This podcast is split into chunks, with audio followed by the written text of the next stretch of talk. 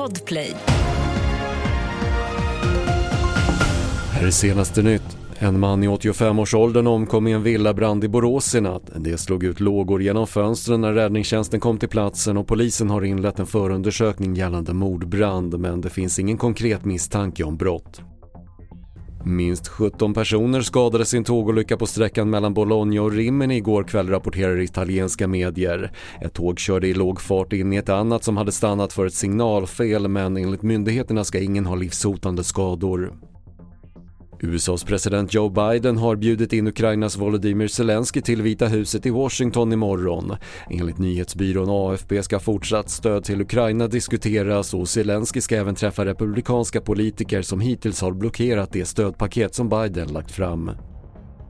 Och julbordet fortsätter att vara dyrt i år igen visar en sammanställning från Matpriskollen. I snitt har en julkasse ökat med 200 kronor sedan i fjol och särskilt rusar den gravade och kallrökta laxen i pris. Men samtidigt visar sammanställningen att priset på julskinka är oförändrat.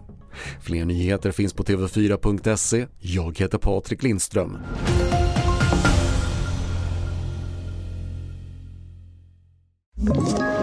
Ett poddtips från Podplay.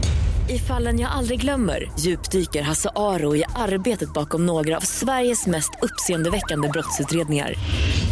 Går vi in med hemlig telefonavlyssning och, och då upplever vi att vi får en total förändring av hans beteende. Vad är det som händer nu? Vem är det som läcker? Och så säger han att jag är kriminell, jag har varit kriminell i hela mitt liv men att mörda ett barn, där går min gräns. Nya säsongen av Fallen jag aldrig glömmer på Podplay.